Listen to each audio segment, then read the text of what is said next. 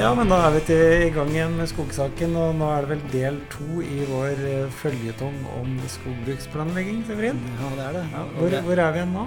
Vi er på gamle tomter. Ja, jeg blir Eh, nostalgisk, jeg. Ja, det gjør du. Ja. Jeg merker det på deg i bilen. Ja. du, det skjedde noe med deg når vi tok av fra E6-en. Så da er vi på Eller E18 der, kanskje. Ja, vi er i hvert fall på Norges miljø- og biovitenskapelige universitet, NMBU. Mm. I vår tid Norges landbrukshøgskole. Ja. Og vi er på selveste Sørellinga. Mm. Alle skogbrukere vet hva søreling er. Ja, i hvert fall de som har gått på oss. Ja. Og i hvert fall da vi gikk her, så var det skogbrukere og landskapsarkitektstudentene. Det var en fin blanding. Mm, det var det. Men vi har vært så heldige og øh, fått øh, en avtale med Erik Nesse. Og Erik, velkommen til Skogsaken, da. Takk for det, Ja, og velkommen hit. Ja, takk. velkommen tilbake, kanskje. Ja, absolutt. Eh, Vi pleier jo, Når vi har eh, gjester som vi prater med, så pleier vi å spørre om Kan du si litt om deg sjøl? Navn og stilling og litt hva du driver med? Ja, Erik Nesset. Eh, formelt så er jeg vel professor i skogfag, tror jeg, eller skogbruk. Ja. Det var, I hvert fall når jeg ble tilsatt, så var det veldig generelle betegnelser. ja. Men eh, jeg er jo tilsatt i skogtaksasjon, da. Det er jo liksom den gamle fagbetegnelsen. var det ikke Kall det tre grener. Det var liksom økologi eller skjøtsel, og så var det økonomi, og så var det driftsteknikk. det var enda flere. Det var enda flere. Det var fem, eh, Treteknologi. Fem når dere var studenter, eller i hvert fall når du var student her, Severin. Treteknologi og Tre- Ja, det var driftsteknikk og skjøtsel og økonomi. Og takst. Det var fitte. Ja.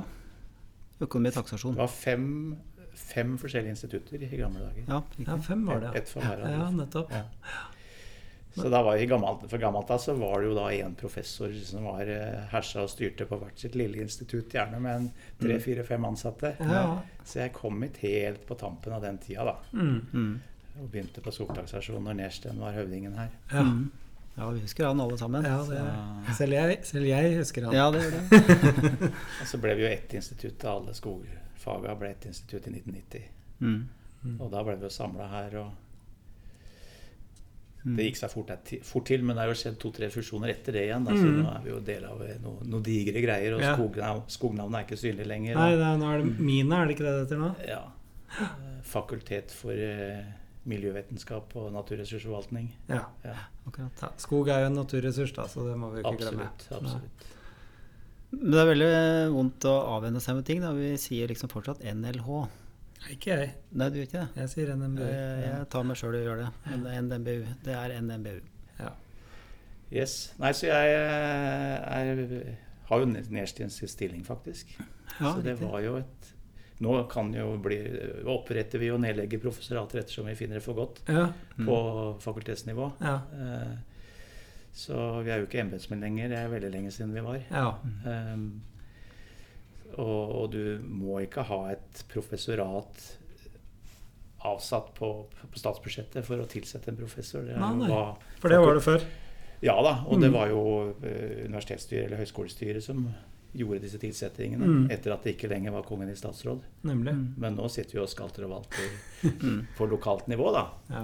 Vi må bare sørge for at vi holder orden i budsjettene våre. Men, men du sa kongen, eh, Erik. Altså, vi er, vi er jo litt sånn Vi føler jo at vi virkelig er nærmere i hvert fall svenskekongen enn vi noensinne har vært. For du har jo faktisk hilst på han. Ja da. Ja, Fortell om det, da.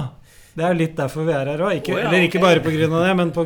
det arbeidet du har Ja. gjort. Nei, det er klart at det er jo et høydepunkt i, både i karrieren og livet, da. Ja. Det var kjempestort. Ja. Wallenberg-prisen Ja. eh, i 2011. Mm. Eh, første og siste nordmann, i hvert fall så langt. ja. Eh, og andre vel innen mitt fag. Altså, du må, altså, her er det ingen grunn til å være beskjeden. Det her er jo en prestisjepris innen Ja. forskning. Det er noen som kaller det for skogbruket og skogindustriens eh, nobelpris. Ja da. Ja, og det er vel en av de mest høythengende Ja, for- ja. forskningspriser i Sverige etter Ja. nobelprisene. Ja, det er Så det. det er nivået på det. Ja, det er det. Mm. Og det er jo en slump med penger og litt av hvert. Mm. Og ikke minst så er det jo all den eh, æren og oppmerksomheten du får da når du Ja. møter Wallenberg-familien og, Ja. og kongen og dronninga og Ja, ja. Ja. hele toppsjiktet i svensk næringsliv og Ja. organisasjonsliv. Ja. Så det, det, det var en eh, bankett med over 300 mennesker på Ja. Grand Hotel i Stockholm. Ja. Eh, Så det var svært. Ja, det var Veldig svært. sikkert kjempeartig. Men, Men, bakgrunnen for, eh, for Wallenberg-prisen, hva hadde du gjort da for å Eh, gjøre deg det fortjent til det? som eh, sto, det var jo Altså begrunnelsen. eh, Det var jo det arbeidet med å utvikle dette med lasertakster til noe operasjonelt. Mm. Eh, eh, og i det så ligger jo ikke bare liksom det tekniske De tekniske detaljene, hvordan gjør vi det, og hvordan sender du data i histen og pisten. Men det var jo hele det å jobbe det fram i næringen og mm. ja, at det ble omsatt i praktisk ja, ja, bruk, så rett jeg og var jo på mange turneer både i Norge og i Sverige og Finland i et par-tre år før det liksom beit i markedet, for å si det sånn. Mm. Eh, og det var jo litt uvant arbeidsform for en som sitter i et bøttekott og kikker inn i en dataskjerm. Men hva var det som drev deg til å rett og slett se potensialet i det her? Altså, og, ja, du sa du har vært i Sverige og Finland og reist rundt og nærmest som en selger, for å si det sånn. jo, jo, men det var en selger. Ja, Absolutt. ja. Men hva var det som gjorde, drev deg til det? Altså, Ja, For det første så var det jo når Jeg må jo si det at første gangen jeg ble introdusert for det med laserskanning, ja, i 95, ja. hadde jeg ikke peiling på hva det var. Nei. Jeg visste ikke hva det var. Nei, nei. Laser, hva pokker er det for noe? ja. liksom? Det er sånn du Eh, ser på Star Wars, liksom? Ja, det var på det nivået. Det hadde ingenting med meg og mitt liv og, eller mitt fag å gjøre. da. Eh, Men det var altså en gründer som dere sikkert kjenner, Øystein Aase. Ja, vet hvem Det- er? Jeg kjenner han ikke. Ja, nei, han var jo direktør i det som het uh, Fo Fotonor, Mm. som driver med flybilder og, Ja. og sensorer fra fly. Mm. Uh, Nå jobber han jo i Terratec og er direktør der. Ja. Men han var en, en skikkelig gründer, altså. Ja. Dette var jo en ny og kommende teknikk. Mm. Så han henta en, en sånn sensor fra Tyskland. Eh, Dette var jo veldig tidlig i den tekniske utviklingen. da. Ja. Så, men det var For nå er vi i 95. Ja, vi er i 95. 95 når han, Ja. vi gjorde den første kampanjen. Ja. Så han, eh, det var et instrument i et eh, forskningsmiljø i Tyskland som han fikk hit eh, ei uke. ja. Og samla alle som han trodde potensielt kunne ha nytte av teknologien, da, for å begynne å promotere det. Mm. Og det var jo da skogbruk. Mm. Svein Søgnen, Ja. som var kontaktmannen. Og da hadde jeg samarbeida med Svein noen år allerede. Og det var Polarinstituttet, de skulle gjøre noe, noen brevmålinger på Hardangerjøkulen. Det var eh, Vegvesenet, det var eh, jernbaner, det var Og dette var i 95, det var jo etter flommen i, oh, ja, ja. i Glomma. Ja, ja, ja. Så det var jo mye på diker oppe på Hedmarken og litt av hvert. Ja, ja. Så han hadde teft, da. For hva slags type eh, samfunnssektorer som kunne ha nytte av sånne Ja. detaljerte Ganske bredt eh, felt, egentlig. da. Mm. Absolutt. Så jeg fikk slengt et datasett etter meg. Mm. Han spurte har du et eh, sted hvor du har vært ute i skogen og vet hva som fins på bakken. Ja. Så sa jeg ja, vi har hatt et prosjekt sammen med Glommen nå et par år. Og målt veldig intensivt en del bestand oppe på Kongsvingertraktene. Um, og Våler. Ja. Så sa jeg bare fly der. Det Får se hva dette her er for noe rart. Ja. Og så begynte Var du skeptisk da, eller var du Nei, jeg var jo nysgjerrig. nysgjerrig ja. Men jeg hadde jo ikke noe begrep om Nei. hva slags data det var. Nei, nei. Eh, Men når jeg fikk begynte å snurre litt rundt på dataene, og fikk dem inn og fikk sammenstilt dem med disse detaljerte bestandsregistreringene som er gjort på, oppe i Hedmark, Ja. så så vi potensialet med Ja, en eneste en gang, gang. ja. Det var liksom Det var som lyset ble slått ja, på. Ja.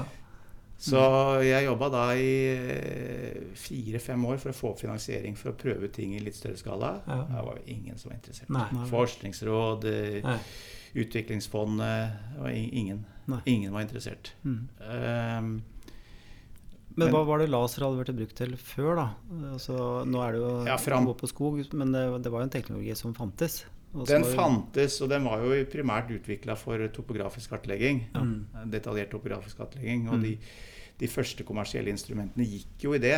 Mm. Så de kom tidlig på 90-tallet. Mm. Og for sånne kaller det topografister så er jo skog bare et hår i suppa. ikke sant? For det, det hindrer innsyn da, til Ja, ja, ja. bakken. Til bakkenivå, Ja. Men når du først ser på dataene og framstiller dem tredimensjonalt, så ser du jo strukturen på skogen rent Mm. visuelt. Ja, ja. Så du, du skjønner jo uten å ha noe særlig innsikt at det her er Ja, potente greier. altså. Ja, det er Mm. klart det. Mm. Så, men når jeg begynte å se på det, så fikk jeg jo nøyaktigheter på dette her som eh, ikke jeg var i nærheten av det jeg hadde erfart tidligere. Jeg hadde jobba mye med fottakst. Ja. Ja. Det var det jeg tok doktorgraden min på Ja. eh, et par år tidligere.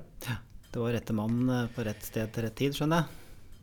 Alt. Ja. Alt klaffa. Ja. Eh, og det var jo flere ting vi måtte ha på plass. Vi måtte jo Plutselig så innså jeg at jeg måtte jo ha posisjonere disse prøveflatene på en skikkelig måte. Det gikk jo ikke bare an å vandre ut i skauen og legge ut en prøveflate, men jeg måtte jo vite presis hvor han var. Ja. Mm. Så jeg kunne klippe ut lasermålinger akkurat for den prøveflata. Mm. Og da nytta det jo ikke å vite at ja, cirka borti der eller cirka borti der. Jeg måtte vite det helst på meteren. Ja. Så jeg brukte fire-fem år å finne teknikker til å bruke GPS i skog, som også var helt nytt. Mhm. Ja, Ja.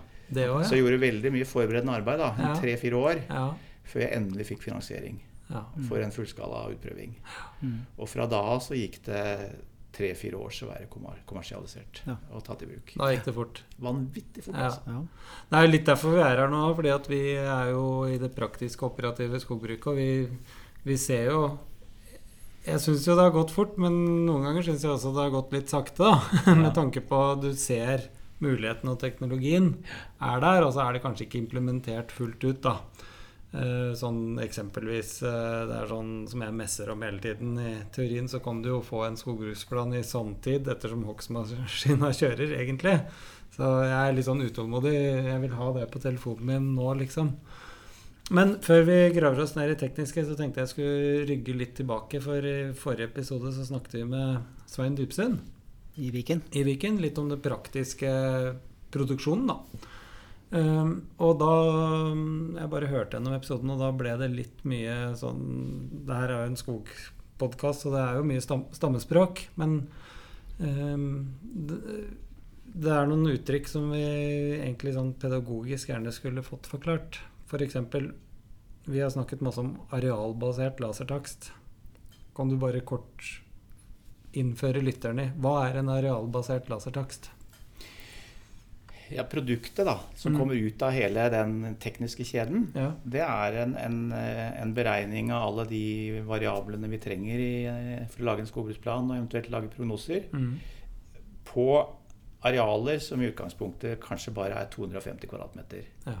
Så det er ikke bestand som er den primære enheten i denne regnekjeden. Nei. Det er små kall det celler da, eller ruter Mm. på et kart som er 250 kvadratmeter store. Ja. Like store som de prøveflatene vi bruker. ja. Mm. Og så er skogbruksplan bare ett produkt. Eh, og da vil du typisk aggregere sånne ruter da, til det blir et bestandstall. Et Mm. bestandsgjennomsnitt for Ja. volum, f.eks. Ja. Eh, men hvis dere ser f.eks. På, på det som Nibio tilbyr, det som heter SR16-produktet, som er et kart over hele Skog-Norge ja. etter hvert, bestående av 250 kvadratmeters ruter, Mm. med informasjon om volum og treslagsfordeling og høyder og alt dette her, det er primærproduktet også i en, en regional skogbruksplantakst. Nettopp. Det er bestandsløst, på en måte. Da. Det er Bestandsløst. Og, og man bør jo også være klar over at det er mange brukere av denne informasjonen som faktisk etterspør akkurat det. Mm. Eh, de som kanskje er flinkest og proffest på å utnytte det, er jo storskogbruket i Sverige. Mm. Ja. De vil eh, ha seg fraberedt en spesifikk bestandsinndeling, Ja, det, de de vil ha områder, de. Ja, Ja. Og så aggregerer de etter behov. Ja. Eller kanskje de til og med eh, når de skal vurdere ulike tiltak i skogen, så vil de kanskje ha det på den fine oppløsningen. Mm. Så, så arealbasert betyr bare at det er et estimat på et, en arealbasis. Da. Mm. Eh, Det er ikke knytta til det enkelte treet, Nei. som er den andre hovedmetoden. Ja. Hvor du faktisk kartlegger posisjonen for tre, det enkelte treet i skogen. single tree. Single tree. Mm, nemlig. Og gir et volumtall for det enkelte treet og, Ja. et treslag. Det snakket vi også litt om i forrige episode, den der single tree versus uh, arealbasert. da. Uh, og Svein han var vel Dybsund han mente vel at uh, den der single tree-metoden hadde ikke slått helt an? Det er jo holdt på å si, En ting er det tekniske og det faglige, det andre er jo politikk og marked. Og, Ja. eh, men det var jo én leverandør da, på Mm. dette med singeltri, nemlig foran eh, AB i Sverige, ja. som, som starta opp ved å knytte til seg noen forskere fra den svenske eh, militære, militære forskningsanstalten, Ja. som hadde jobba med det. Ja. Metoder for å finne enkelttrær Mm. for militære formål. ja. ja. Eh, og det var jo da en, en forretningsidé, ikke sant, å lage skogtakster basert på det. Mm. Um, Og så var det andre alternativet var den arealbaserte. Mm. Og så er det noe med hvem som på en måte treffer et marked, ikke sant? Og, og det ene med det andre. Så det er mye det er, det er noe fag, og det er noe marked og Det, hand, politikk. det handler kanskje mye om markedet. For jeg nevnte et sånt eksempel. Hvis du f.eks. hadde på en eiendom, så har du ved Singletree så har du registrert 500 spesielle furuer, da. F.eks. Og så eh, er det en eller annen aktør som etterspør 200, så kan du da vite at ok, jeg har 500 på hele eiendommen, men jeg ser at eh, 150 av dem står innenfor et avgrenset område, er, og da har du et bestand i anfølgelsestegn. Så Men det markedet er vel kanskje ikke stort nok. Så hadde det vært sånn at man fikk betalt for hvert tre, liksom Misforstå meg rett, men da, da, hadde, da hadde kanskje markedet for den metoden vært der. Jeg holdt på å si, Det er jo sånn som dere som egentlig kan svare på det Mm. for, for neste steg i kjeden. da. Ja. Hva skal du bruke det til? Ja. Og du kan si at eh, Nei, jeg tror det markedet er for lite. Jeg tror det, Ja. Ja, så Arealmetoden det treffer, og det var jo et pedagogisk poeng når vi jobba fram dette her, det treffer på en måte en tradisjonell tankegang. da Du leverer egentlig et produkt sånn som skogeierne er kjent med fra tidenes morgen når det gjelder skogbruksplanlegging. Mm. Du leverer et kart Ja. med en bestandsinndeling, Ja. og du leverer tall knytta til det enkelte bestand Ja. i ei bestandsliste. Mm. Med volum i bestanden og treslag og alt dette her. Mm, Eh, det var bare det at det var mekanismen for å produsere de var plutselig en helt annen. ikke sant? mer nøyaktig. Mye mer nøyaktig. Og objektivt. Mm. Ja, særlig det siste. Ja. Ja. For det, det, er jo, det var jo liksom helt klart svakheten med det andre. Ja. Altså det, du kunne se hvem det var som hadde vært i felt, nesten. Mm. Så med, med singeltre, det, er- det er det å finne bruksmåtene, da. Mm. Det er jo åpenbart noe komplementaritet der. Det Ja. tilfører noe du ikke har. Ja. Sånn som du sier, at du Ja. kan finne enkelttrær. Og Ja. For visse beslutningssituasjoner så er det sikkert fint. Ja, ja. Eh, hvis det er spesielle kvaliteter å ute etter. Men Det er jo, det er volum vi selger, Ja. eh, ikke sant? Og Nettopp. da er det jo arealer som skaper volumet. ja. Eh, Jeg vet at eh, for kanskje 10-15 år siden så lagde jeg en liste over alle store furutrær i skogen eh, min da, som hadde mer enn 40 cm i brysthøyde. Og den sendte jeg til kjøper. Um, For da skulle det skaffes eh, eh, seilskutemaster og mye forskjellig. Men eh, det har ikke resultert i noen ting. Altså jeg har ikke fått noe Og om jeg hadde fått det, så hadde det betydd at jeg måtte ut og hogge to trær. Eh, så kanskje fem kubikk til sammen, da, eller eh, et eller annet. Og det blir ikke noe Det er liksom ikke det man lever av. Nei, da måtte man hatt et marked hvor man betalte 10 000 kroner da, for den furua, for det treet. Ja, og det er jo interessant, eh, selvfølgelig, men, men det blir fryktelig lite volum likevel, da. ja. Ja, ergo kan sånne Så hvis Ja. det hadde vært et marked, så skulle, Ja, ja, ja, ja da. kunne det ikke vært volum betalt. Da hadde det vært Nei. single tree Ja, betalt. spesielt, ja. Så markedet styrer det. Men Ja. da um, det, går jo på, det er jo rasjonalisering. altså produktet, Nøyaktigheten på lasertakst da, er bedre enn hva det var før. Og så er, er det sparte kostnader 40-50% av hva det var før. Og det er jo noe alle har nytte av. Og så er det jo skognæring det er jo ganske, det er en stor næring.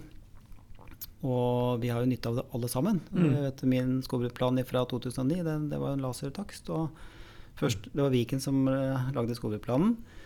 Første bestanden i Høgg, som var en ganske greit bestand, det var 800 kubikk. Det sto i skogbrukplanen at det skulle være 840 kubikk, og så ble det innmålt 800 kubikk. Og det var et tydelig avgrenset bestand. Mm. Da sendte jeg en mail til en Svein Ekanger og Mm. som anerkjente jobben, da. Ja.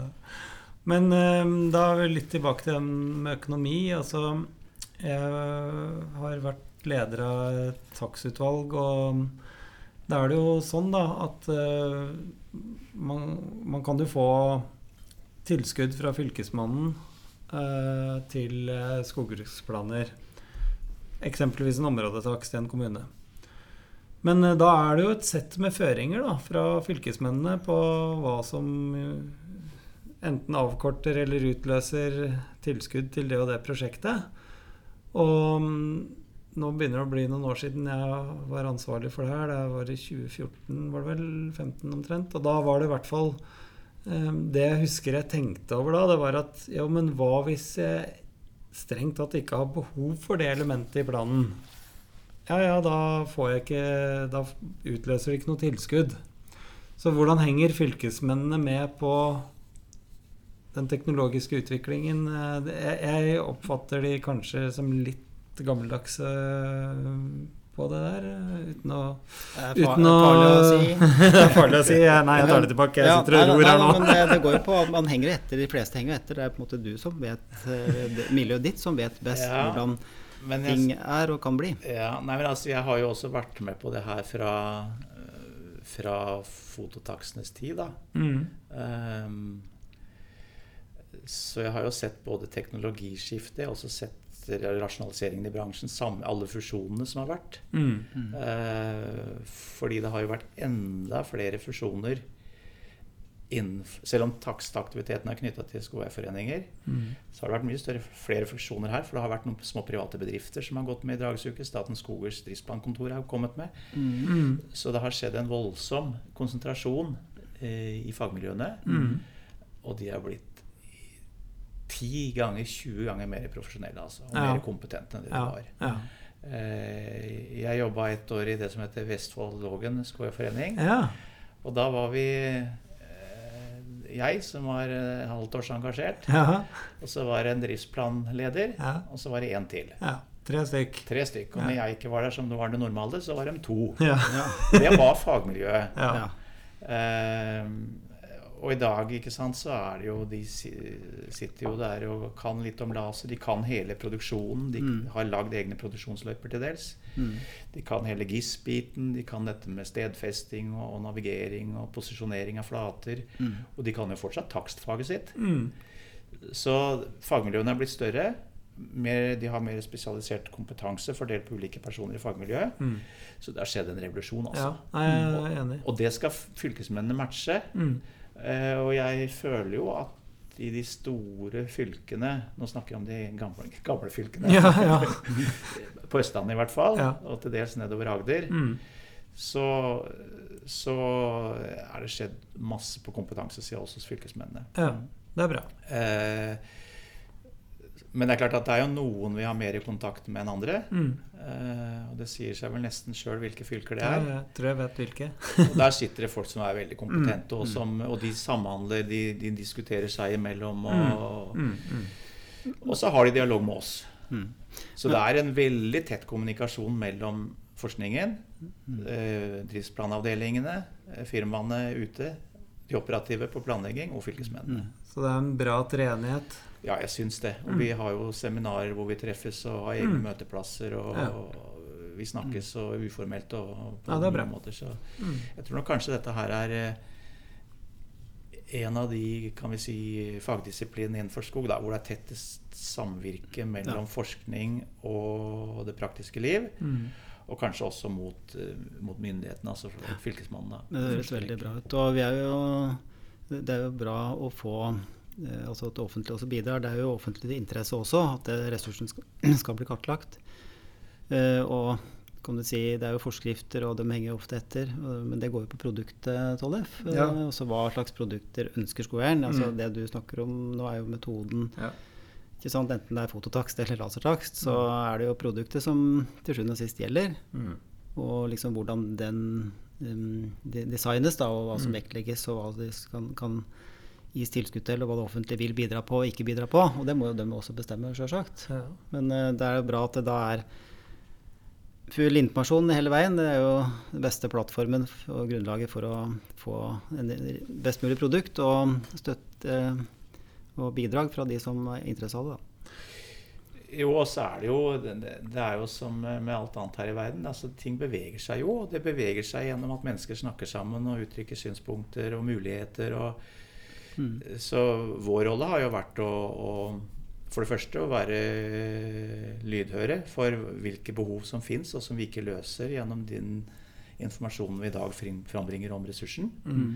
Eh, og det andre er jo finne på nye smarte ting som vi kan få til. Eh, og så er det å være lyttepost ut i den store verden for å se hva som skjer internasjonalt når det gjelder forskning. Er det noe vi har gått glipp av, som vi ikke har tenkt på, som er smart, Mm.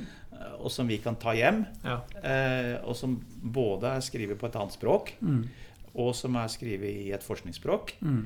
Og prøve å oversette det og formidle det og si at hei, eh, er det noe- nå er det noen smartinger i Ja. Canada som har funnet på det. Er det noe for, for norsk Ja, skogbruk? ja, ja, ja. Um, og jeg føler jo at vi har kommet opp med over ganske mange år kommet opp med nye ideer som enda ikke er tatt i bruk Mhm. uh, i særlig grad ute. Ja, Eh, I, I eksempel på en av Diameterfordeling, dimensjonsfordeling ja, uh, på bestandsnivå. Mm. Et, et eksempel vi har holdt på med i 15 år. Ja. Uh, noen bruker det, har vi fått høre. Andre bruker det ikke. Mm. Eh, noen eh, skogbruksledere er veldig glad i det og veit åssen de skal bruke det i dialog med, med entreprenør, f.eks. Mm. ved kontraktsinngåelse og sånne ting. Mm. Eh, men de må bli kjent med produktet og Ja. mulighetene. Og se hva det kan spare av eh, behov for å vandre gjennom et bestand før kontraktinngåelse Ja, er kontraktinngåelse klart osv. Og, Mm. og, og, og liksom fintune seg inn på informasjonsinnholdet. da. Mm. Um, vi har jobba med, med måter å hva skal vi si, karakterisere kvaliteten på. Altså dette som Ola Øyen holdt på med i sin tid. Ja, ja. Ja. Om vi kan si noe om eh, hva som er inni en stokk. Mm.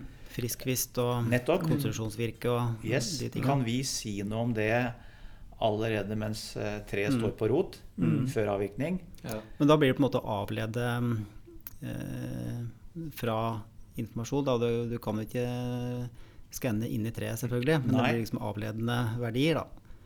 Og det bygger jo på det Ola holdt på med, med, med, med krone, kronelengde, kronehøyde og disse Ja. tingene. Som vi til en viss grad klarer å beregne med, en, Mm. med, med lasermålinger. Men det bringer meg inn på en annen tak. Vi, det er jo en utmerket svensk skogspod. Skogspodden SE. Mm. Eh, Jeg hørte på siste episode, og der eh, intervjuet de en eh, Om det var en gründer eller om han var ansatt der, det husker jeg ikke, men et svensk firma som heter Katam. Og det syns jeg var veldig interessant å høre om, for det var jo da Da kunne de stå i en skogsvei, og så kunne de sende opp en drone som de på forhånd hadde programmert skulle fly over f.eks. et bestand. Og med eh, eh, laser eh, og rett og slett tok eh, registreringen der og da. Eh, og de dro det videre. Altså de hadde sånn at de kunne f.eks. på et område så på 10 000 mål, da, så kunne de telle alle elgene som var der, f.eks. Altså det var sånn helt hav av muligheter. Men eh, det, for det, det der med dronebruk òg er jo på en måte noe som kanskje Jeg ser i hvert fall en del skogbruksledere bruker det for å sjekke ungskogpleie. og Da sparer de én kilometers gang og sånne ting. Men tror du det, det kan bli noe sånn fremtidsgreier? At du kan oppdatere skogbruksplanen din med å fly over et område med det? Ja, det er vel visse ting du kan ta. Vi har jo vært prosjekter på det her. Ja. Eh, og dere er vel sikkert kjent med at det, det er noe som heter Smart Forest. ja, det har jeg hørt om. Eh, Senter for innovasjonsdrevet forskning. Ja. Som er en et gigantisk løft mellom Forskningsrådet og hele næringen. Ja. Og som har eh, koordinering eh, hos, hos NIBIO, men eh, vi er jo en nesten like stor partner. Ja. Eh, og som har tyngde i det fagområdet vi snakker om. Ja. Eh, og droner og sensorer og roboter er jo en del av det. ja. Så, så det ligger inne Mm. for å pønske på framover. Men vi har jo gjort mye allerede. Mm. Eh, men når du tenker på volumbestemmelse, f.eks., ja. Um, så den arealmetoden som vi var inne på i stad, den, den forutsetter jo at du har noen feltobservasjoner som du kan kalibre- kalibrere deg mot. Mm. Eh, en, en eh, laser om bord i et fly, eller en laser på en drone, eller et kamera på en drone, eh, spytter jo ikke ut volum i kubikk per, per dekar. Eh, så, så på små arealer så er spørsmålet klarer du å forsvare de kostnadene det har å gå i felt og, og etablere referansemålingene dine. Ja, nemlig. Det er en det- utfordring. Ja.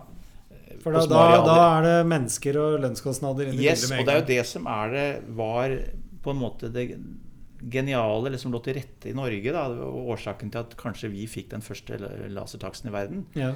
det var at vi hadde tilskuddsordningen Mm. Som tvang skogeiere i et område til samarbeide. ja, så det ble stort nok. Så du fikk stordriftsfordeler. Ja, ja.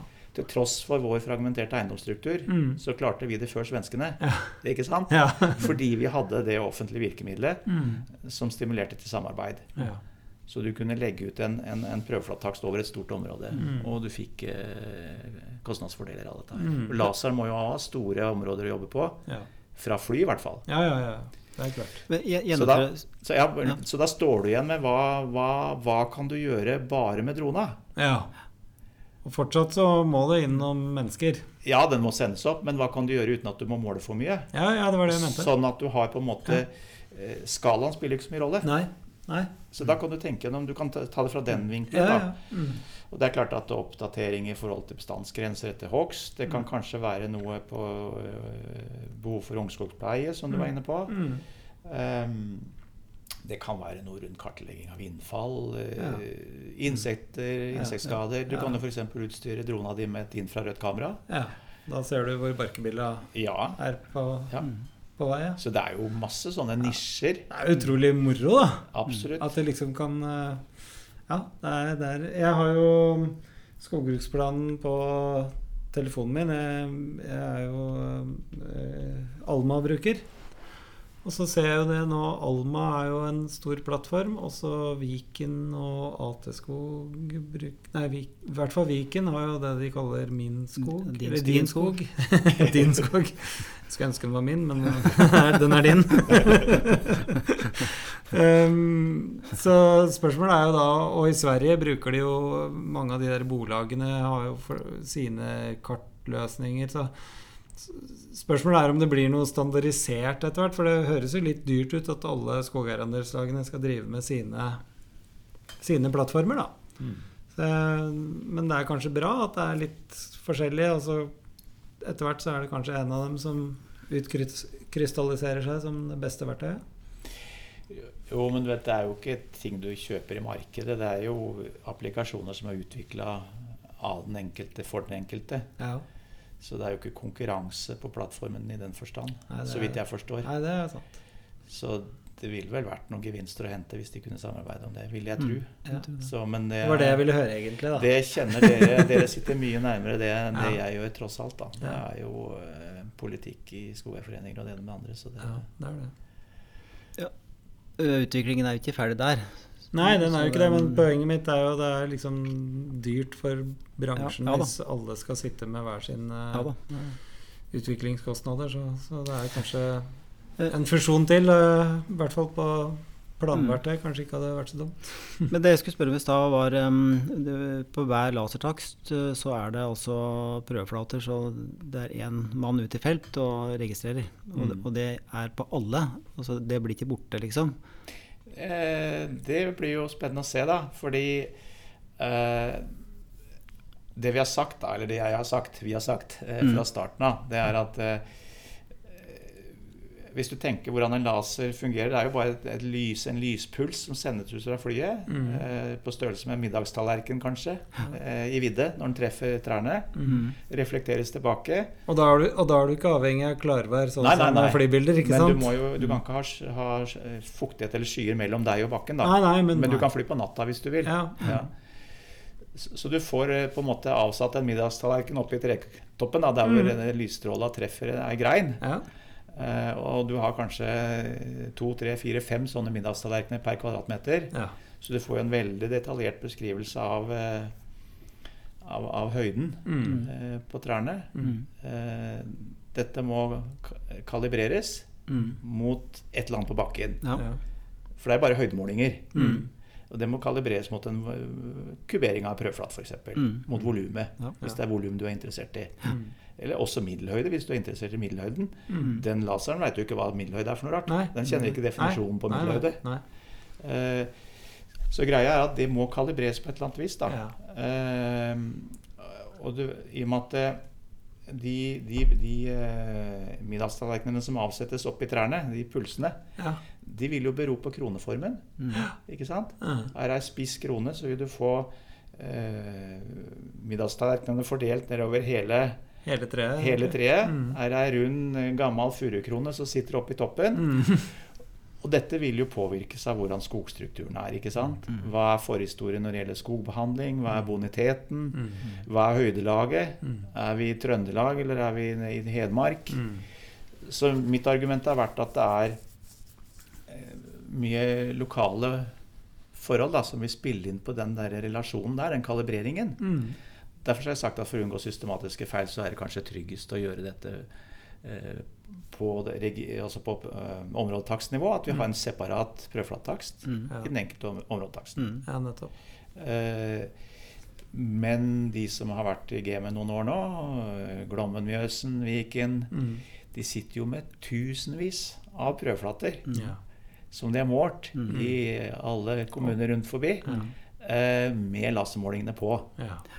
Så de kunne jo tenke seg at de bruker den fantastiske historiske datakilden ja. til å For den er jo enorm. Den er enorm. Mm. At de kunne bruke det framover, så slipper de å gå ut. Mm. Eh, men det forutsetter jo at eh, laserteknologien er stabil, altså at det er to forskjellige lasere som flyr over samme treet, Mm. har samme fordeling av middagstallerkenen. Ja, Ja. det ja. Så det, dette er eh, hvor mye feil vi tolererer. Ja. Mm. Men jeg har lyst til å komme inn på det produktet som Nibu har, som dere kjenner sikkert, SR16, Ja. Ja. som gjør det her nå over hele landet. ja. Fritt tilgjengelig ja.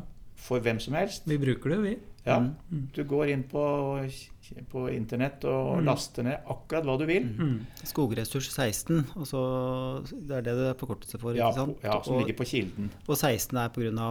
16 er pga. størrelsen på de rutene, som er 16 ganger 16 meter. Ja, Ja. SR16. Ja, så det er til, til, tilnærma lik fem, eh, 25 kvadrat, nei, 250 kvadratmeter, Mm. Som er prøveflatene til landskogplasseringen. Og det kan hvem som helst gå inn på nibio slash kilden.no. Der er det bare å laste ned. Men poenget er jo det da, at de gjør det basert på landskogplasseringens prøveflater. Mm. Ja. De gjør det ikke basert på lokale prøveflater lagt ut i kommunen for å produsere skogbruksplaner for den kommunen. Nei. De baserer seg da på alle prøveflater i f.eks. Buskerud, Oppland og Hedmark. Mm. Eh, kalibrerer disse sammenhengene, Mm. og så spytter de ut data da for eh, alle de tre fylkene ned på 250 kvadratmeters nivå. Mm. Og spørsmålet da er hvor mye spiller egentlig lokale effekter inn på de sammenhengene. Mm. Hvis de er marginale, så er jo det et genialt pro eh, produkt. Ja, det er det jo. De, det, er det virkelig stordriftsfordeler. Ja, jeg er du gæren. Så Men da er det to parallelle løp her. Da, for at Hvis det da bestilles en fellestakst i et område, så flyr det ikke over med laser og lager en vanlig eh, ja, skogbruksplan. da. Og så, men de er eh, SR16-data, så, altså, da blir hele Norge skannet, som du sier. Og hvor ofte skjer det, og skjer det da i tillegg? Eh, og er det da nødvendig med en egen skanning hver gang du skal ha en felles takst i et område? nå er du inne på framtida. Fordi Du er så fremtidsrettet, Ja, Severin. det, Det det skogbruket gjorde når de begynte med lasertakst i 2002, Mm. det var at de fløy separat. De fikk en kostnadsdeling gjennom det samarbeidet som heter Geovekst. Ja. Så skogbruket betalte ikke hele festen sjøl, men de betalte en god del av det. Ja, var det, det var den omløpsfotograferinga, ikke sant? Ja, eller det var en eh, mer kommunevis på, på, Ja. på laser. Ja, nettopp. Mm. Så skogbruket betalte en god del for de laserdataene. Ja. Så vedtok Stortinget at vi skulle ha en ny høydemodell for hele Norge, altså terrengmodell. Ja. Digital terrengmodell med høy oppløsning. Ja. Eh, og lagde et program for å kartlegge hele Norge under et viss eh, høyde over havet Mm. med laser. Mm. Og det er de dataene Nibio bruker til å produsere SR16. Ja. Men det er de samme dataene som er blitt brukt i de regionale skogbruksplantakstene. skogbruksplanttakstene. da. Mm. Så det er de samme laserdataene som har vært brukt nå, og de er gratis tilgjengelig. Men det er en engangsprogram. Og spørsmålet er hva skjer framover? Kommer skogbruket til å, å ha råd til å finansiere laserflyvninger bare for skogtaksering? Mm. Eh, SR16 kommer ikke til å gjøre noe med det. Nei. Så hva er alternativet? For det er en engangs... Det er en engangsgreie. Mm. Ja. I utgangspunktet, i hvert fall. ja. Det er ingen planer om et nytt omdrev på det? Det kjenner ikke jeg til. Men eh, for å ta analogien med, med Sverige Sverige var litt tidligere ute enn oss for å kartlegge sin topografi. Mm. Eh, Det samme var Finland. I, I Sverige så tente skogbruket så til de grader, i hvert fall storskogbruket, Mm. på dette her. Mm. Så de krevde at dette her skal skje regelmessig. Ja. Mm. Og så da sier jo de som jobber med topografien at det, hør nå her, hvor mye endrer landoverflaten seg På, på ti år. på ti år? Da tror jeg vi bør ha noen tusenårsperspektiv eller noe i den duren. Og så sier skogbruket ja, men dette er så interessant. Hvis ikke det er noen vil være med på det, så gjør vi det sjøl. Ja. Sverige er så vidt jeg vet nå i gang med andre omløp, og det er jo mye skogbruket som betaler det. Men de er nok mer selektive på hvilke arealer som flys. De tar ikke nord i Norrland. Det vet jeg ikke. Så, men de har en separat nasjonal kampanje. Ja.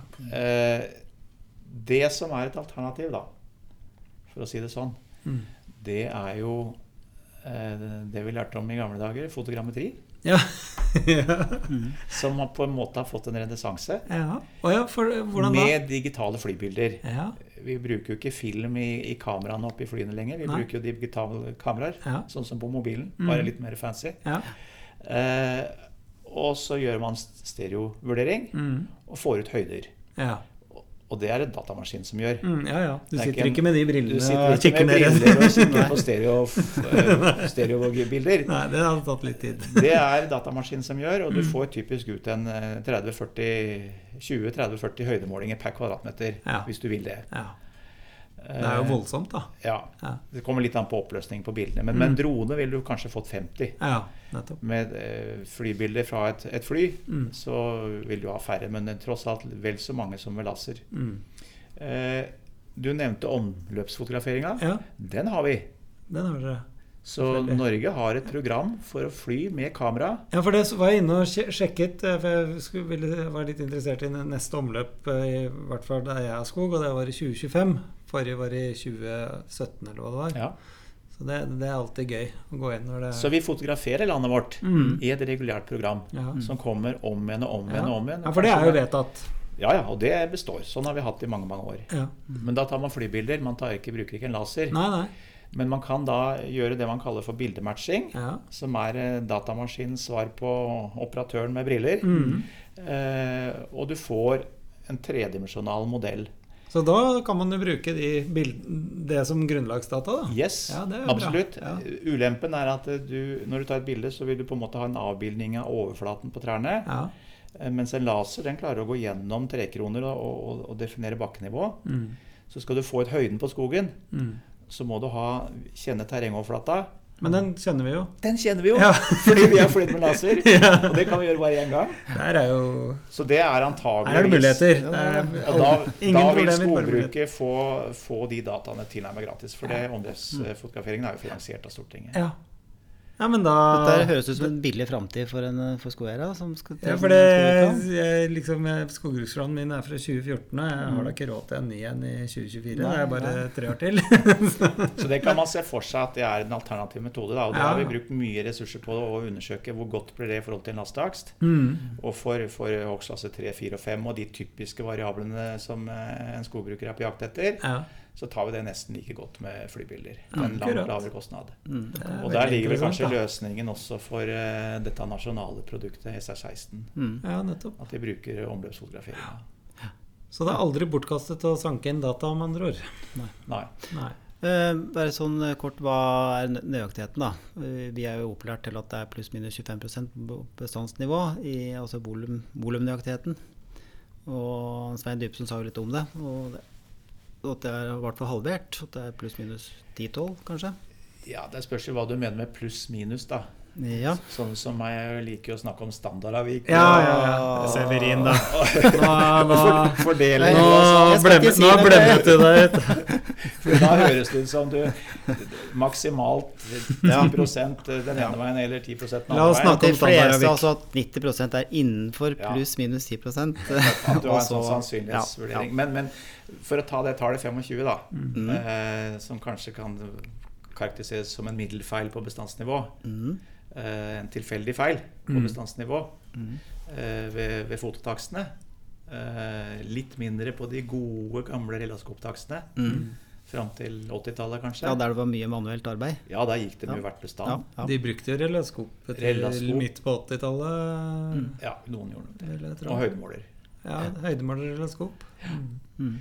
Så, så snakker vi jo nå om eh, 15 kanskje, da, med laser. Mm. Mm. Ja. Um, Det er en betydelig forbedring. Da. Ja. Ja, og vi har jo regna på eh, hva betyr det, altså hva er 15 i forhold til 25? Mm. Um, Så både har vi regna litt på hva, vi, hva, du ville måtte gjøre med tradisjonelle metoder, f.eks. i felt, Mm. for å nå den nøyaktigheten. Ja. Og det er jo liksom eh, en kostnad i ente potens, altså. ja, det blir det. Det, det er, Ja, ja. Helt Du vanvittig. klarer ikke å forestille deg hvordan du skulle få det til på andre, med, med andre metoder. Jeg husker jo veldig godt jeg var part i en stor jordskiftesak etter etableringen av det nye Ja, det er ikke så nytt lenger, da, men regionfelt Østlandet til Forsvaret. Og da var jo det der et evig spetakkel om nø- nøyaktigheten. For her var det jo naboer som skulle bytte skog, og alle hadde jo den beste skogen, selvfølgelig. Og, og da, da skulle det, altså Takstinstruksen da var at det skulle være pluss-minus 4 Ja, det var det. Hobberstad rev seg i håret, husker jeg. Ja, det hadde han god grunn til. Ja, det hadde han. Så jeg husker Ja ikke hva resultatet ble, men det, der var vi jo nede i bestandsflater på Det var minste var vel 200 Nei, jeg tror det var 0,2 mm.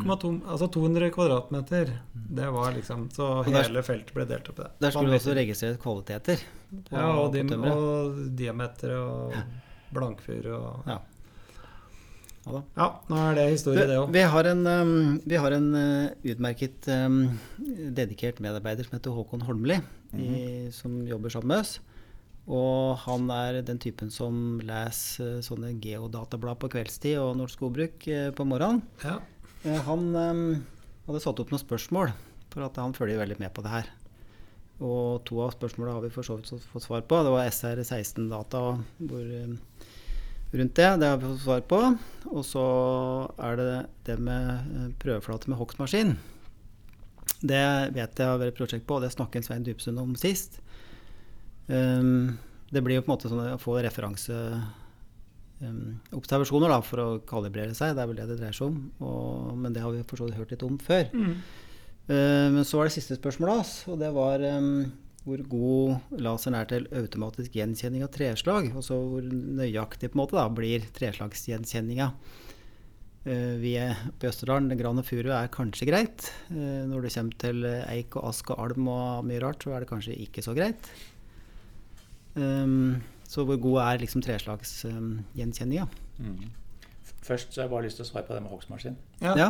For det var et kjempegodt eksempel på en idé som kom fra næringa. Ja. Og den kom fra Svein Dybsund, ja. som lurte på om det ikke gikk an å bruke en hogstmaskin som taksator. Mm. Eh, Det hadde vel ikke vi tenkt. Nei. Men vi har jo holdt på med det nå i 10-15 år. ja. Eh, Å få utstyrt eh, hogstmaskin med bedre GPS, bedre kontroll på aggregatet, hvor det er ved å ha kontroll på alle vinkler og armer og det som er. Mm. Eh, Så det kom fra han, altså. Mm. Mm. Eh, Ja, vi snakket litt om det. eller? Bare, bare ja. så det er et supereksempel Ja, på ja. den, den, hvor viktig det er å ha oppegående diskusjonspartner også for oss i forskningen, som kan stimulere oss til å, Mm. å, å både gjøre nyttige ting og, og tenke i, riktig Ja, retning. Ja, og hva som er behovet. Og det var Yes, også absolutt. utvikling og samarbeid med, med maskinprodusentene. Det var John Deere som var utstyrt med Ja, jeg masse rart. skjønte Det var det. Og nå holder vi på med en annen maskin som eh, tar det enda videre. Ja. Spennende. Så, eh, og det har vært pionerarbeid på forskningssida. Mm. Så det sier jo noe om hvor eh, framtidsretta Hans Svein var når han kom opp med ideen. Mm. Mm. At når vi da tross alt brukte noen år på å, å stokke beina og få finansiering, Mm. så var vi likevel førstemann Ja. til å demonstrere dette her internasjonalt. ja, ja. Fantastisk. Så, men eh, så var det det med treslag. Ja. Eh, og det er vel fortsatt en akilleshæl. Ja. Eh, vi har jo gjort forsøk på eh, å ta det fra laser, som du halvveis indikerer med spørsmålet ditt. Mm. Eh, men du vet det laseren da kan si noe om, det er jo eh, Hvis vi går tilbake til bildet med disse middagstallerkenene oppi trea, Mm. så må det jo være noe om hvordan de fordeler seg. da, At det reflekterer formen på krona. Mm. Så vi har ikke noe annet å gå på. Nei. Annet enn at de på en måte danner en form som sier at ok, denne her er rund, dette her er furu eller bjørk. ja, ja. Denne er spist, dette må være gran. Mm. Men det er så Mm. usikkert at Ja. det er ikke vi, vi bruker det ikke, for å si det sånn. Så vi er, står igjen med det vi har lent oss på nå i 40 år. Mm. At det sitter en manuell operatør og tolker et flybilde. Ehm, og det blir som det blir, for å si det sånn. Mm. Eh, noen ganger så går det veldig bra hvis det er eh, hos deg, og du bare har gran og furu, og du har gjerne Jeg har noen spredte bjørker, men de vet jeg hvor er. og fortrinnsvis rene gran og rene Ja. furubestand i tillegg. Så Men nå er det jo veldig Jeg, ser jo mye sånne Kall det granplantasjer anførselstegn. Altså hvor det ble liksom Sto det en G11 som ble hogd, så ble det plantet gran åkke som. Men jeg har jo satt i gang på egen eiendom en strategi hvor jeg faktisk eh, får inn en For nå har vi mindre elg, heldigvis. Ja. Så jeg prøver å få inn litt mer eh, blanding, da. Om et par uker er det enda mindre elg. Ja, da skal jeg ha skutt resten.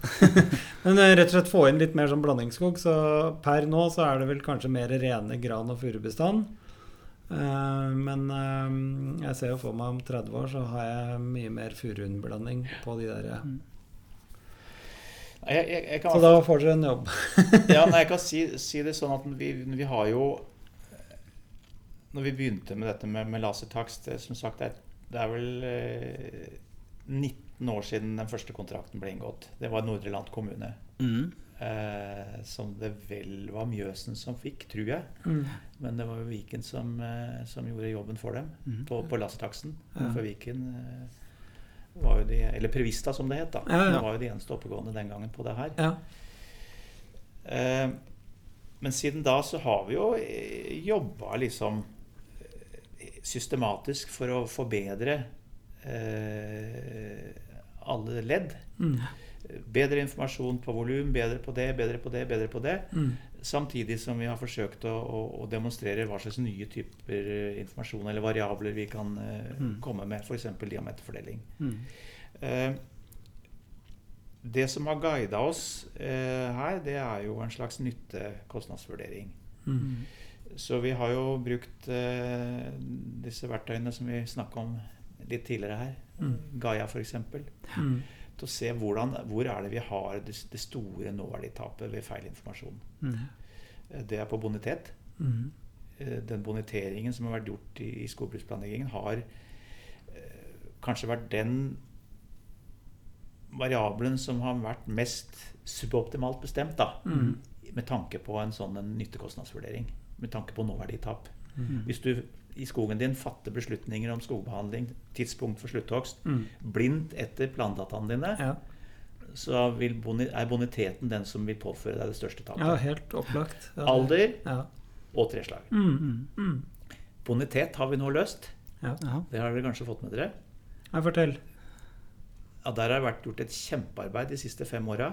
Eh, nå er vi altså inne i andre omdrev med, med lasertakster i en del kommuner. Ja. Bl.a. Nordland, som var først ute. Ja. Mm. Så vi ser at ved å bruke laseropptak fra to tidspunkt, Ja, Ja, ja, det har jeg ja, lest det- om. det Ja, stemmer det. Mm. Vi har jo blitt Ja, det forteller oss veldig detaljert hvordan overhøyden har utvikla seg. Mm. Mm. Og så kjenner vi tidsperioden imellom. Ja. Mm. Alternativt at vi boneterer på prøveflatene. Så kan vi kalibrere det på samme måte som vi kalibrerer for volum. Mm. Så vi kan kalibrere for bonitet, men vi trenger to Mm. opptak over trærnes høyde. Og det får vi da ved én lasertaks på et tidspunkt og én på et annet tidspunkt. Mm. Og det gir en, en, en nøyaktighet som er helt uovertruffent i forhold til det vi har. Og det viser jo Resultatene viser jo en heving av boniteten òg. Eh, Ja, i noen studier gjør vel det. Jeg er ikke sikker på at det er gjennomgående. Det, det Ah, husker ok. jeg ikke. Nei. Det husker jeg ikke. Men det har vi fiksa. Mm. En av de tingene som står igjen, er definitivt treslag. Ja. Mm. Um, Men boniteten er jo ekstremt viktig, da. med det er klart. Det er helt klart. Den Mm. påvirker jo all skogbehandling, alle beslutninger om Ja, ja. Klart det. Mm. Men eh, treslag er jo ikke ueffent det heller, da. Neida, det er- Om du sitter med gran eller furu eller uh, hva du gjør, det er jo helt avgjørende for prisen. Men en laser den måler rett og slett uh, kun fysiske størrelser, så alt uh, dere må finne ut ja, f.eks. om treslag må avledes av en slags erfaringsbase fra tidligere. Nettopp. Mm. Og det er jo spørsmålet om, om, om det som laser er i stand til, nemlig å beskrive høyde, hvordan kronetaket fordeler seg i høyden. Mm. Det, har det noe som helst sammenheng med treslaget i Mm. hele tatt? Ja. Og Hvis ikke det er noe sammenheng der, så kan ikke laseren gi deg noe. Nei, nei da. Så vi har vel tenkt at uh, informasjon om treslag ligger vel kanskje først og fremst i, i bilder. Mm. Mm. Det er det. Eh, Enten i, i vanlige bilder, altså vanlige farvebilder Mm. tatt med et digitalt kamera Mm. Fra en et flymaskin eller i omløpsfotografering av en Ja. drone, eller i, i noe infrarød greier. Ja. Men da, da kan ikke Rasen gi noen informasjon om f.eks. miljøverdier heller? Uh, Nei, det mindre det sko, et skogbilde da, som man vet uh, sannsynlig inneholder noe. Ja. Uh, hvis det går på struktur Ja. For det vi de, de, Den primærinformasjonen vi utleder fra en laser, det er jo høyde, åpenbart, siden det er høyder han måler. Mm. Men det er også struktur, altså tetthet, Mm. på skogen. Mm. Om det er glissent eller, eh, eller tett. Hvis det er mye vindfall, da, hva, hvordan ser eh, laser eh, Ja, hvis det er veldig tett, tette vindfall, så har jeg sett studier, ikke fra Norge, men fra Nord-Amerika, hvor alt er litt større. Ja. At, de, at de klarer å identifisere stokker som ligger på bakken. Ja, akkurat. Så, så, sånne Å linjestrukturer. ja, ja, Ja. nemlig. Eh, men jeg har ikke sett noe systematisk på det fra vår del av verden. nei. Ja. Vi har ja. snakket en time snart. Ja, Eh, vi kunne snakket i mange timer til, merker jeg. men du er veldig flink til å avslutte. Det er bestandig du Ja, som avslutter. men vi, jo, vi har jo et veldig populært eh, podkastprogram, så da må vi jo ikke trette lytterne. Men, så, men eh, Erik, eh, litt sånn avsluttende Kan du ikke avslutte med noen tanker om eh, hvordan fremtiden blir? For eh, Og da tenker jeg egentlig ikke på din fremtid som forsker nødvendigvis. Jeg tenker mer på brukeren av det du har funnet opp.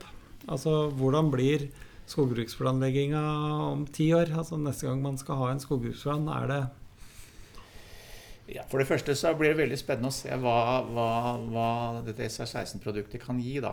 Mm. Eh, hvordan det kan brukes. I prinsippet er det det samme produktet som det som ligger til grunn for skogbruksplanen. mm. Eh, men vi vet kanskje ikke nok om hvor godt det er enda. Det bør undersøkes. Mm. Eh, Så er det jo hva som skjer med laser, om, om skogbruk og andre sektorer kan enes om å fortsette. eh, Nå som landet er eh, kartlagt når det gjelder topografi. Ja. Kanskje det ikke gjør det. Men sam nok- samarbeid er nøkkelen, da. Ja, åp åpenbart. Ja, mellom sektorer. Men da må vi se mer etter bilder. Ja. Og der kan vi finne en løsning. Ja. Men det dekker kanskje ikke samme totalitet da, som en laser gjør. Eh, Så det må vi fundere litt på. Og så er det jo veldig spennende å se hva Om næringen etterspør mer di- differensiert, detaljert, Mm. eh, nyansert informasjon om, om skogressursene. Ja. Det, vi har jo argumentert for at vi kan eh, skaffe informasjon om både ditten og datten, og næringen nøler med å ta det i bruk. Sier at nei, gi meg kubikk, så er jeg happy. Ja. Dimensjon og kvalitet er det, på det, det er det som er steget videre, på en måte. Det er blant annet. Ja. Absolutt. Mm. Eh, dimensjon og kvalitet. Og så er det jo En ting er jo dere som sitter med store eiendommer og gjør det sjøl. Ja. En annen ting er jo de som sitter i en skogeierforening og kanskje er en forvalter. ja, ja, ja, Og det er som i mye større grad må Mm. basere seg på eh, informasjon i en database for en eiendom. Som ikke kjenner eiendommen så godt som det dere gjør. Mm. Eh, kan, hva slags informasjon trenger de for forvaltningen? Mm. Eh, hva med de som eh, driver i tømmermarkedet? Mm. Eh, de er sannsynligvis veldig lykkelige over SR16. Ja, det Mm, ja. må de være. Eh, hva, med, hva med den operative drifta? Skogbruks, skogbruksleder. Hva, hvordan kan de nyttiggjøre seg informasjonen? Så det er, det er veldig mange brukere, potensielle brukere av informasjonen, og de er kanskje på jakt etter litt ulik type informasjon. Så jeg, jeg tenker at eh,